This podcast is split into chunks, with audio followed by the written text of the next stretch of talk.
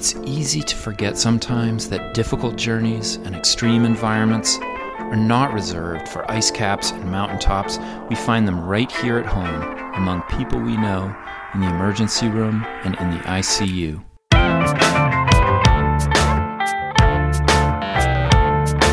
It's time to eat the dogs. I'm Michael Robinson. Today, Pauline Chen talks about her experiences as a medical student and transplant surgeon and what they've taught her about the practice of medicine. Too often, Chen argues the focus on saving lives gets in the way of caring for patients who are approaching death. Chen writes the New York Times column Doctor and Patient. Her book, Final Exam A Surgeon's Reflections on Mortality, was a New York Times bestseller. Her works appeared in the Washington Post, the New York Times Magazine, and the New York Times Book Review, and has been nominated for a National Magazine Award. Pauline Chen, thank you for talking with me today. My pleasure. It's an honor to be on your show. So, your book, Final Exam, really tells uh, the story of a doctor's journey. And you begin the book with the statement of a paradox. You say that the essential paradox of medicine is it is a profession premised on caring for the ill that also systematically depersonalizes dying. I was wondering if you could talk about that. I think that's a great point that you've picked up from the book because that idea, that paradox, is what really compelled me to begin writing. It's interesting because I did not start writing the book until after my training was done. And that happened for several reasons. One, probably the biggest reason was that I was too busy clinically to write in any kind of systematic way or too busy to really reflect. But as I neared the end of my training, I felt this incredible need to write. And, you know, it started with a letter to a friend that never got sent because I just sort of wrote and wrote and wrote. But as soon as I finished my training, and it was nine years of surgical training after medical school, I signed up for a writing course at UCLA where I was on the faculty. And the writing course at that time, I was writing fictional stories because I still hadn't really recognized what was going on. But obviously, something was driving me to do this. And one afternoon, the teacher I was taking class with said, Pauline, I need to talk to you. And I thought I had gotten into trouble, like any good medical student for me. I was like, oh my gosh, I got into trouble. But she pulled me aside and she said, you know, these stories really, you need to do something with them. They need hmm. a home. Were you writing about medical stories? Sort of. Sort of. Well, it was interesting because when she said that, it was as if she had given me permission to really begin to think about what I was writing. And what I realized were these short stories, these these fictionalized pieces were really fictionalized accounts of grief, grief over patients that I patients whom I had not cared for in a way that I really might have hoped to have cared for mm-hmm. when I mm-hmm. started medical school. And so I realized that they were actually sort of pieces, little pieces of that paradox sort of in me, that feeling like, you know, here I went to medical school wanting to help people, wanting to do the right thing and be the kind of doctor that I had always dreamed about being. But in fact, the kind of medicine I was practicing was not that. Mm-hmm. Or that I had changed somehow during all of these years of training.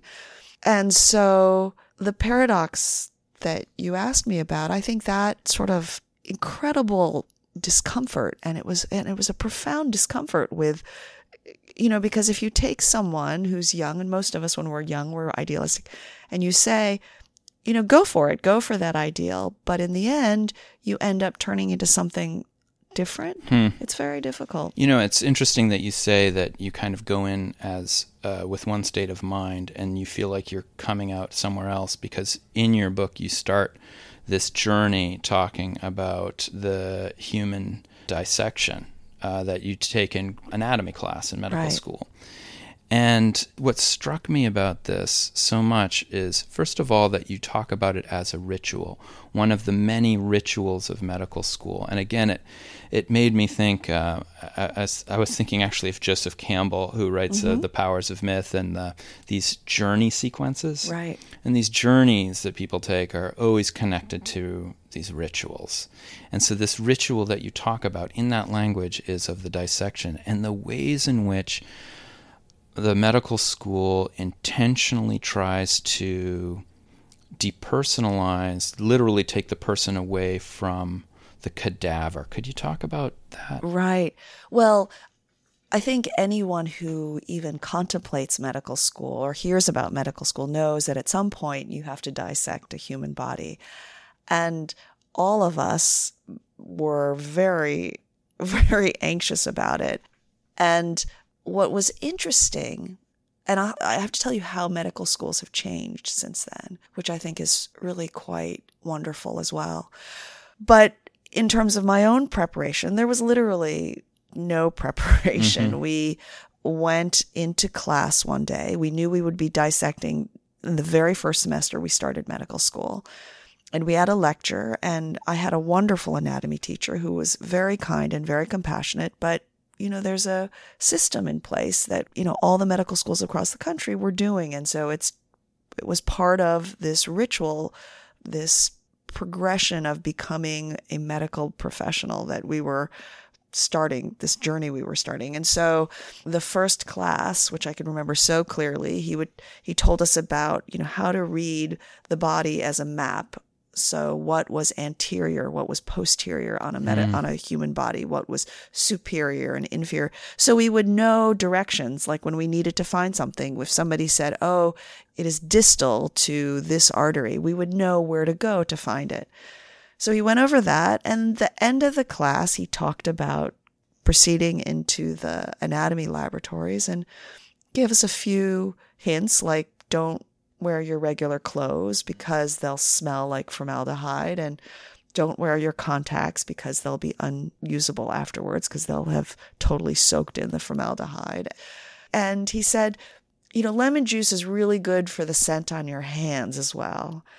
And I never, I, I didn't really get that at the time, although quickly learned that even when you're wearing gloves, the scent just permeates. And, you know, afterwards you go to dinner or to lunch and you smell the formaldehyde yeah. on your hands. And and the cadaver is not given a name. You're not given Right. So we went into so we had um, these laboratories and in each laboratory room there were four cadavers and four students to a cadaver and there was a whole hallway because um, there were almost 200 students in my class, first year medical students. And I remember going to my cadaver and you know they're in they're covered in white plastic body bags and they are intentionally placed they were intentionally placed face down. And we started with the back. And i suspect it's because it was probably the easiest part of the body to start with. I don't think any of us could have started with the face. You're asking young people who were you know a week earlier were walking down the street to take on this incredible task of, you know, suddenly you're asked to cut nerves and arteries that were critical to life. You're doing work that is so final, right? Mm-hmm. Even though the the person is dead, but it's really, I mean, you're transecting that artery and it'll never come back together. Yeah. And so there's no, yeah, it was very, very difficult. But the extraordinary thing about the experience was that that cadaver, that person, despite being dead, still was very much another human being in my eyes and my classmates' eyes. I mean, when we uncovered the bag, yes, all I saw was the back, but I also saw her hands mm. and her arms and her nail and polish. Yes, she had coral nail polish and it was probably time for a new manicure because you could see the little sort of moons of you know, regular nail, I mean, unpolished nail underneath. And her arm, one of her arms, had a tan line for a watch or wrist. You could tell she was an elderly woman. She was very finely built. And I, imagined that because the line for her watch was so thin that it was one of those watches that older women sometimes used to wear with a little chain that connects the ends mm-hmm. of them. And as we dissected her, we learned more about her body, but through uh, about her life, but through her body. So there's a line in your book that's actually quite beautiful. You say, My lab partners and I would know our cadaver's body better than any patient we would ever take care of. Yet in her book of life, we were to begin with the epilogue and attempt to read backwards. And what struck me about that line is not only is, is it so beautifully written, but also that in a sense, one of the objectives of this process, which was both to educate you about the body, but then to remove the body from the person or the identity, in a sense, it doesn't work for you. Yeah, it was that. That's that's very interesting, Michael, because it's true.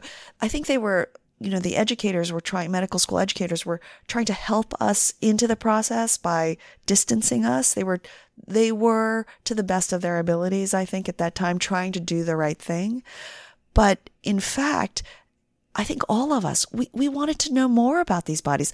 All we got was a card that had, you know, male or female and the age. We didn't even know what the patient, patient, excuse me, it was my first patient, what the person died of.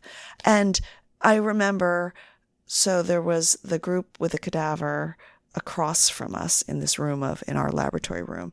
They had this huge, you know, just strapping male and I remember all of us sort of trying to think, what did this person do? And he was mm. incredibly muscular and he was a, a big guy and he was kind of young. And, you know, why did he die? And so for our lady, our woman, we were just so curious. And it wasn't until several weeks in, actually a couple months in, toward the end of the dissection, that we discovered what she had died of. We were working in the pelvis in the abdomen. And, you know, the first thing we noticed was that there was this thin scar, midline scar, scar going all the way from, you know, just underneath her breastbone, all the way down to the tip of her pubis. And so we knew she had some kind of operation. And we opened it up, and there were all sorts of things that were missing hmm. that we were supposed to find. We were supposed to find something called the omentum, which is this it's gorgeous in real life. It's a beautiful bib of fat that covers, that's right in the front of the belly, right underneath all the muscles, and, and it covers all the organs and protects them. But ours was missing. And I remember being so disappointed because I read about it and it sounded beautiful and I wanted to see it and we couldn't find it. And we were asked to find the uterus and the ovaries and the fallopian tubes. And I was deadly curious about find. I, I really wanted to see those because I, I remembered in fifth grade, and that was around the time I started thinking about being a doctor. It was actually in elementary school, taking a family life course, um, you know, sort of basic sex edu- sex education for elementary, school students. And my teacher at that time saying, "Oh, this is what the uterus and ovary look like," and she raised both hands and, and both arms and had her hands as fists. And she said, So I'm the uterus and my arms are the fallopian tubes and my hands are, you know. And so I sort of expected to see someone, something that looked like her in the pelvis. And we couldn't, there was nothing. But we kept coming on uh, upon these little, they were almost like pebbles in this woman's pelvis and we didn't know what to say, what to do. My my lab partners and and I. And finally, we asked our anatomy, one of the anatomy professors, for help. Like, where is the uterus? Where's the omentum? Where's. And he looks in and he's sort of, you know, poking around and he said, I'm sorry. I think, I think your, your lady, I think she died of ovarian cancer. Mm. And I remember feeling incredibly sad at that moment not so much because I couldn't see those things, which I'd wanted to see, but, you know, it became very real. It's very interesting. We became very attached to this woman. I still, it's amazing. If you mention a body part to me, and, and this is after having seen the anatomy of, you know, so many people in operations and medical, I almost inevitably think of hers first. Wow. You know, there's this um, as as I was reading this section on the dissection, and essentially the goals that the rituals that are being set up for you to complete. There's a way in which you also exhibit this paradox a little bit in your writing. There's a line uh, which you say that your cadaver was used during the practical exam part of the, the class. Right. And that you're so proud, quote, you're so proud of the beauty of our cadaver's anatomy. There's a way in which there's a certain degree of ownership of that. And I was thinking to myself that that must be, in a sense, an occupational hazard. Or I don't even know if it's a hazard, but it's an occupational thing where you're dealing with a person, you know, and a life uh, who has an identity, but you're also, in a sense, your job is them. Your job is working on them. Oh my God, Michael, you're so you're so perceptive. That's so right.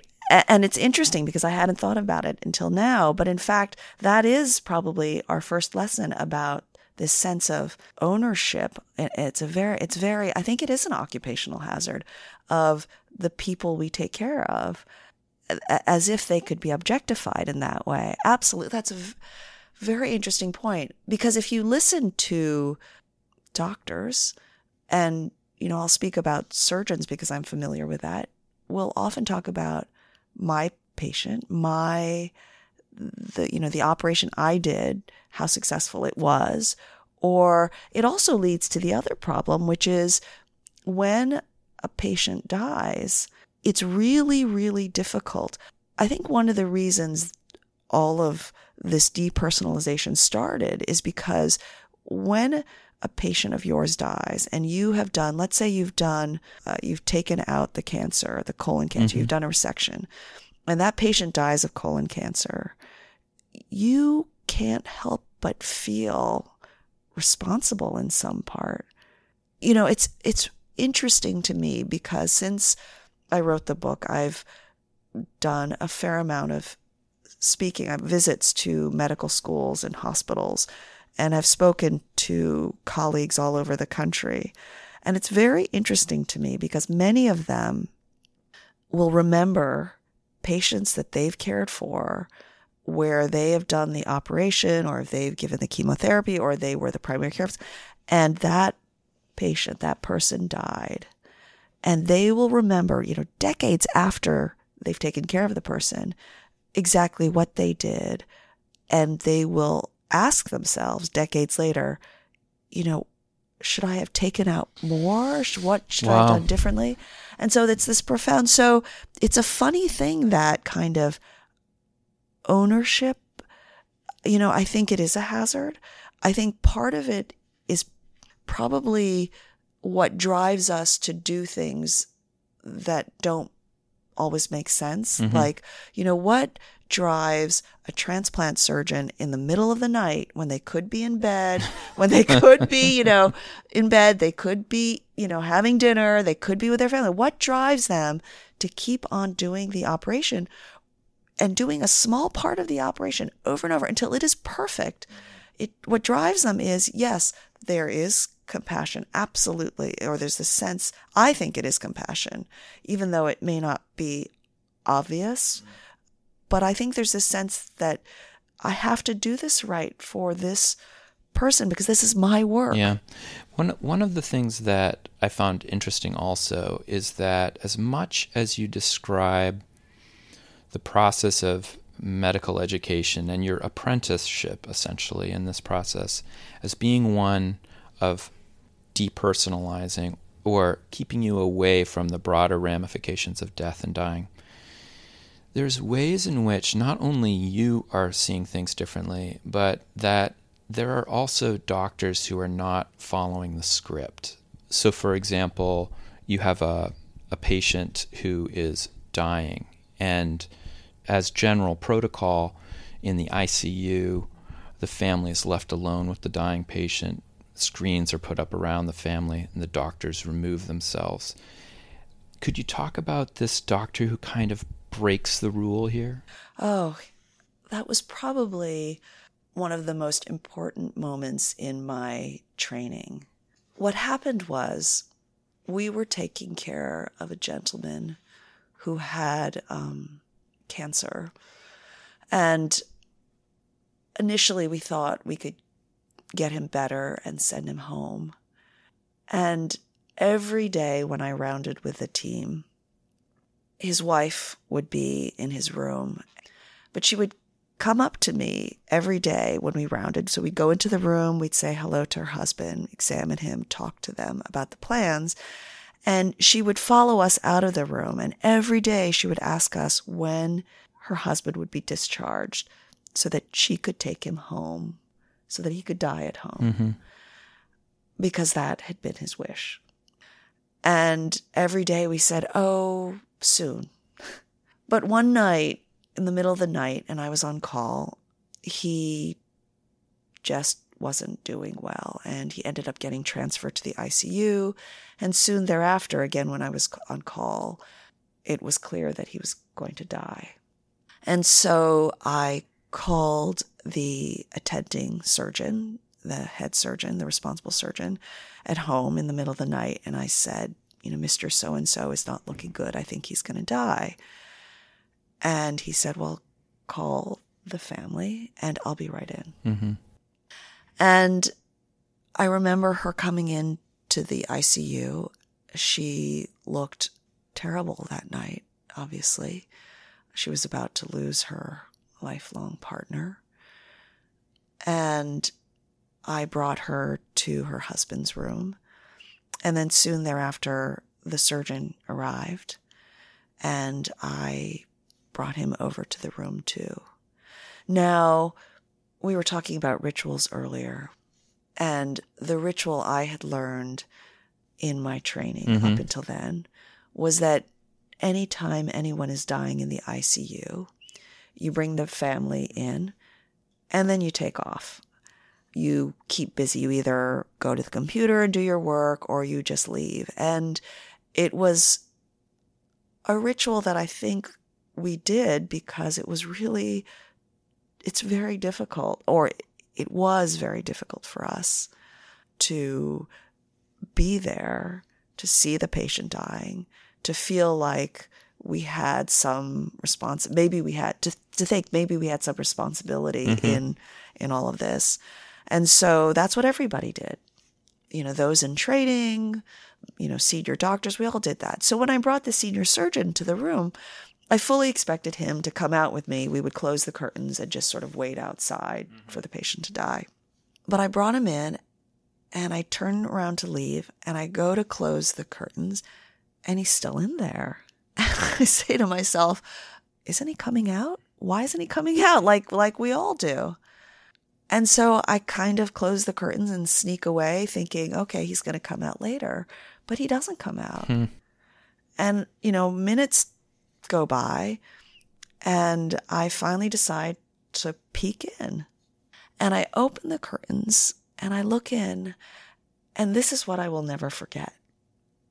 The man is in his bed, the patient is in his bed, and the surgeon is standing next to the wife, who is standing next to her husband's bed.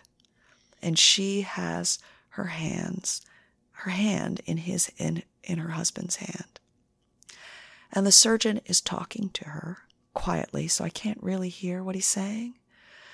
But it's obviously comforting her because she had been, you know, sobbing earlier and she was just sort of breathing quietly. So I see the surgeon, you know, raise one hand and point to the monitors. And I think he's telling her about how the heart beats at the very end of life. Hmm. And I see him pointing to her husband's chest. And I'm sure that he's telling her what the last breaths of the living are like. And then he puts his hand on the man's shoulder. And I believe he's telling her that even though her husband is dying and even though her husband may not, you know, be alert, be talking, be responding, I believe that he was telling her about the final comfort of her presence. Hmm. And so I just I I just watched this and then being well trained in the ritual, I close the curtains and step away. And about 20 minutes later, the surgeon steps out and tells me that the patient has died. And several minutes after that, the wife comes out. And the next day, actually, not the next day, but sort of a few days later, I receive a, a letter from the wife. And it's a note uh, telling me, it's a thank you note, telling me that although her husband did not die at home as they had originally hoped, that he had died a dignified and peaceful death. And that was all that he had really wanted. And so for days afterward, I kept that note in my pocket. And it was like a reminder to me that as physicians, we could do more than just mm. cure. And for the rest, it was it was so interesting. That night it was as if and I write about this in the book, it's it was as if, you know, I had been in this dark room for a long time and I couldn't really see around. And suddenly this shade was lifted and light was let in.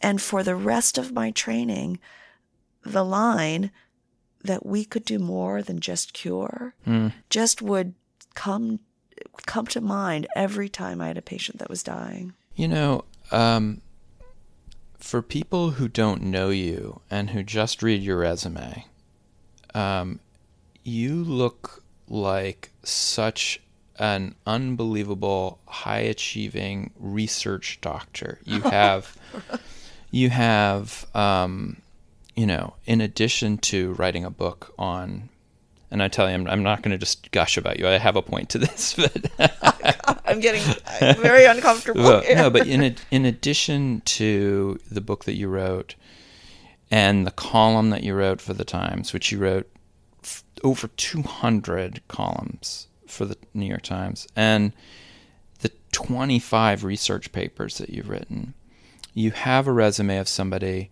who looks like an incredible go getter. And I worked with people at the Dana Farber in Boston who seem to have um, an incredible thirst for medical research and who were trying to cure everything. But the difference is, is that you also have within your uh, your history as a doctor these really interesting things. Like, for example, you were um, voted the outstanding employee at Bridgeport Hospital. Um, the first time this was ever given to a physician in training by uh, the staff. And that's not an outlier. You also received a Humanist Award by Yale New Haven Hospital System for most exemplifying empathy, kindness, and care in the age of advancing technology. In UCLA, the nursing staff voted you Outstanding Physician of the Year. What the question I have for you is this How is it that so many people end up doing one or the other of those two things? And is there a cost for you personally to be able to do those two things well, to be a transplant surgeon, to be working at the VA, to do all the things that you do, and simultaneously to pay so much attention to patient care, to palliative care?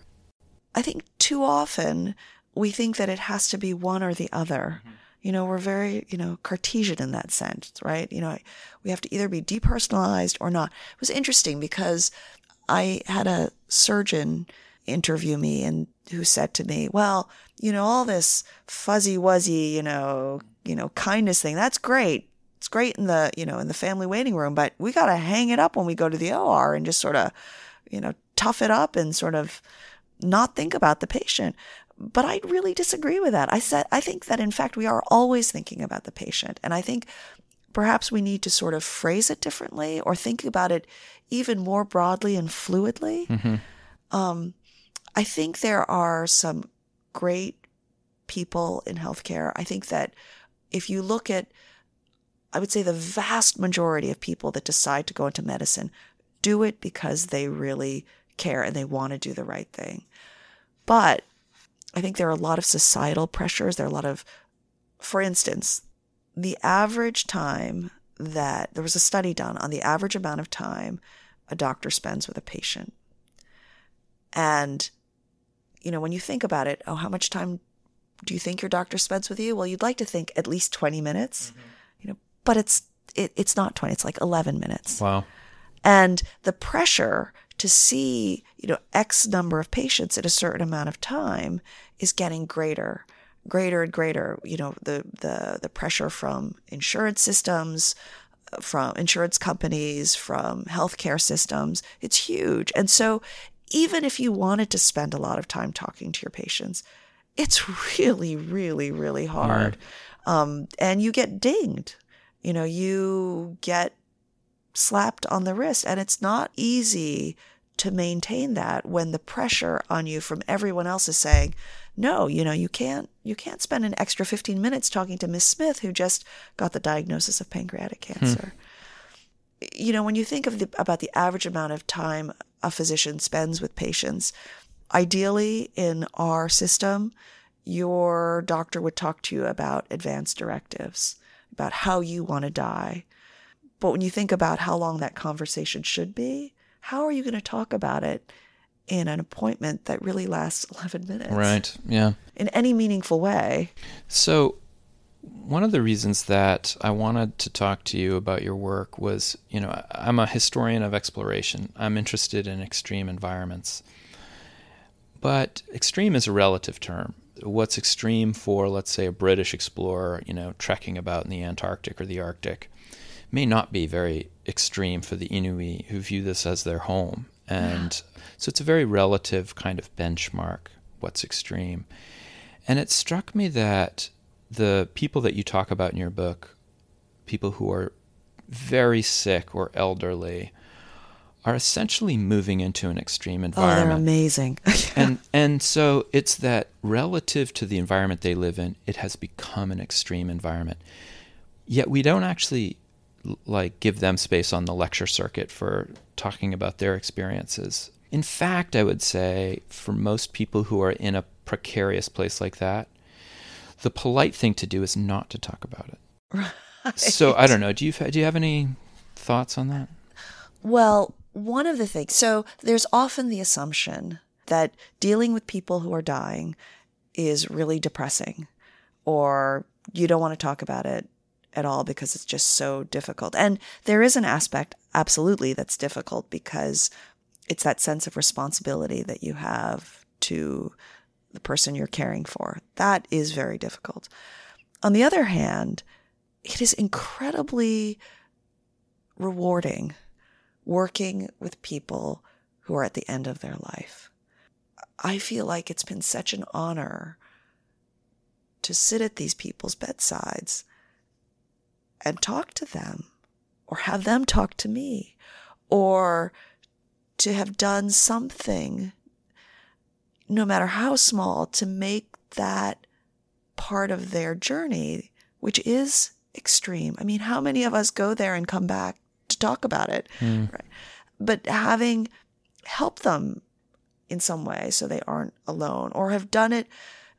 One of the things that I think is really a challenge for all providers, but especially for providers, I think, who are caring for people who are in one of those extreme positions, is trying to figure out how do we care for you in a way that's meaningful to you? Mm-hmm. You know, what's important to you? Because it's very easy, I think, at the end of life or in these these areas that are unknown to the rest of us to to sort of assume that things should work a certain way or that this is what a good death is. This is what a dignified death is. They'll want their family surrounding them or they'll want music playing or they mm. want, and so that's really challenging. I think that's really difficult, but people are unbelievable, you know, and, and I think I don't know if this is what draws you to your research, but one thing that you learn in taking care of people who are critically ill or who are at the end of life is that the human being's capacity for strength, for love, for generosity is unbelievable. I just noticed a lot that people at the end of their lives were often really generous in a way that just blew my mind. So I remember once I was taking care of this young man that was dying and I just, I was devastated because he wasn't that much older than I was. And he had just gotten married a few years earlier. It was the love of his life. And they were just a lovely couple. And I just was working very hard to try to make sure that, you know, he had good care, Yeah. care as he wanted it. But one day, the wife came up to me and said, Pauline, are you going to take some time off? And I said, why? and, and she said, because we're worried about you. And I was thinking, here they are. They're going through, they're, they're in the North Pole of life, right? Yeah. They're making this unbelievable journey and they're still worried about me. So I looked into the research that had been done on this, and it turns out that for a lot of people, that the definition of dying well is very intimately linked with the sense of generosity, with a lot of these characteristics of care, of giving, of of giving back. And so it's it's it's it, to me it's just it's really really rich and interesting. Wow, that's so interesting. Pauline Chen, thank you so much for talking with me today. Thank you, Michael. It's been an honor. That's it for today. Make sure you check out the Time to Eat the Dog's website and Twitter page for links and other exploration related stuff. The Twitter page also has a link to Zabrat, the great Canadian band that composed the music for the show. Please rate and review the show too, wherever you get your podcasts. It really does help make the show visible to new listeners. If you want to recommend a guest or get in touch, feel free to contact me at time to eat the dogs. That's one word, lowercase, at gmail.com. See you next week.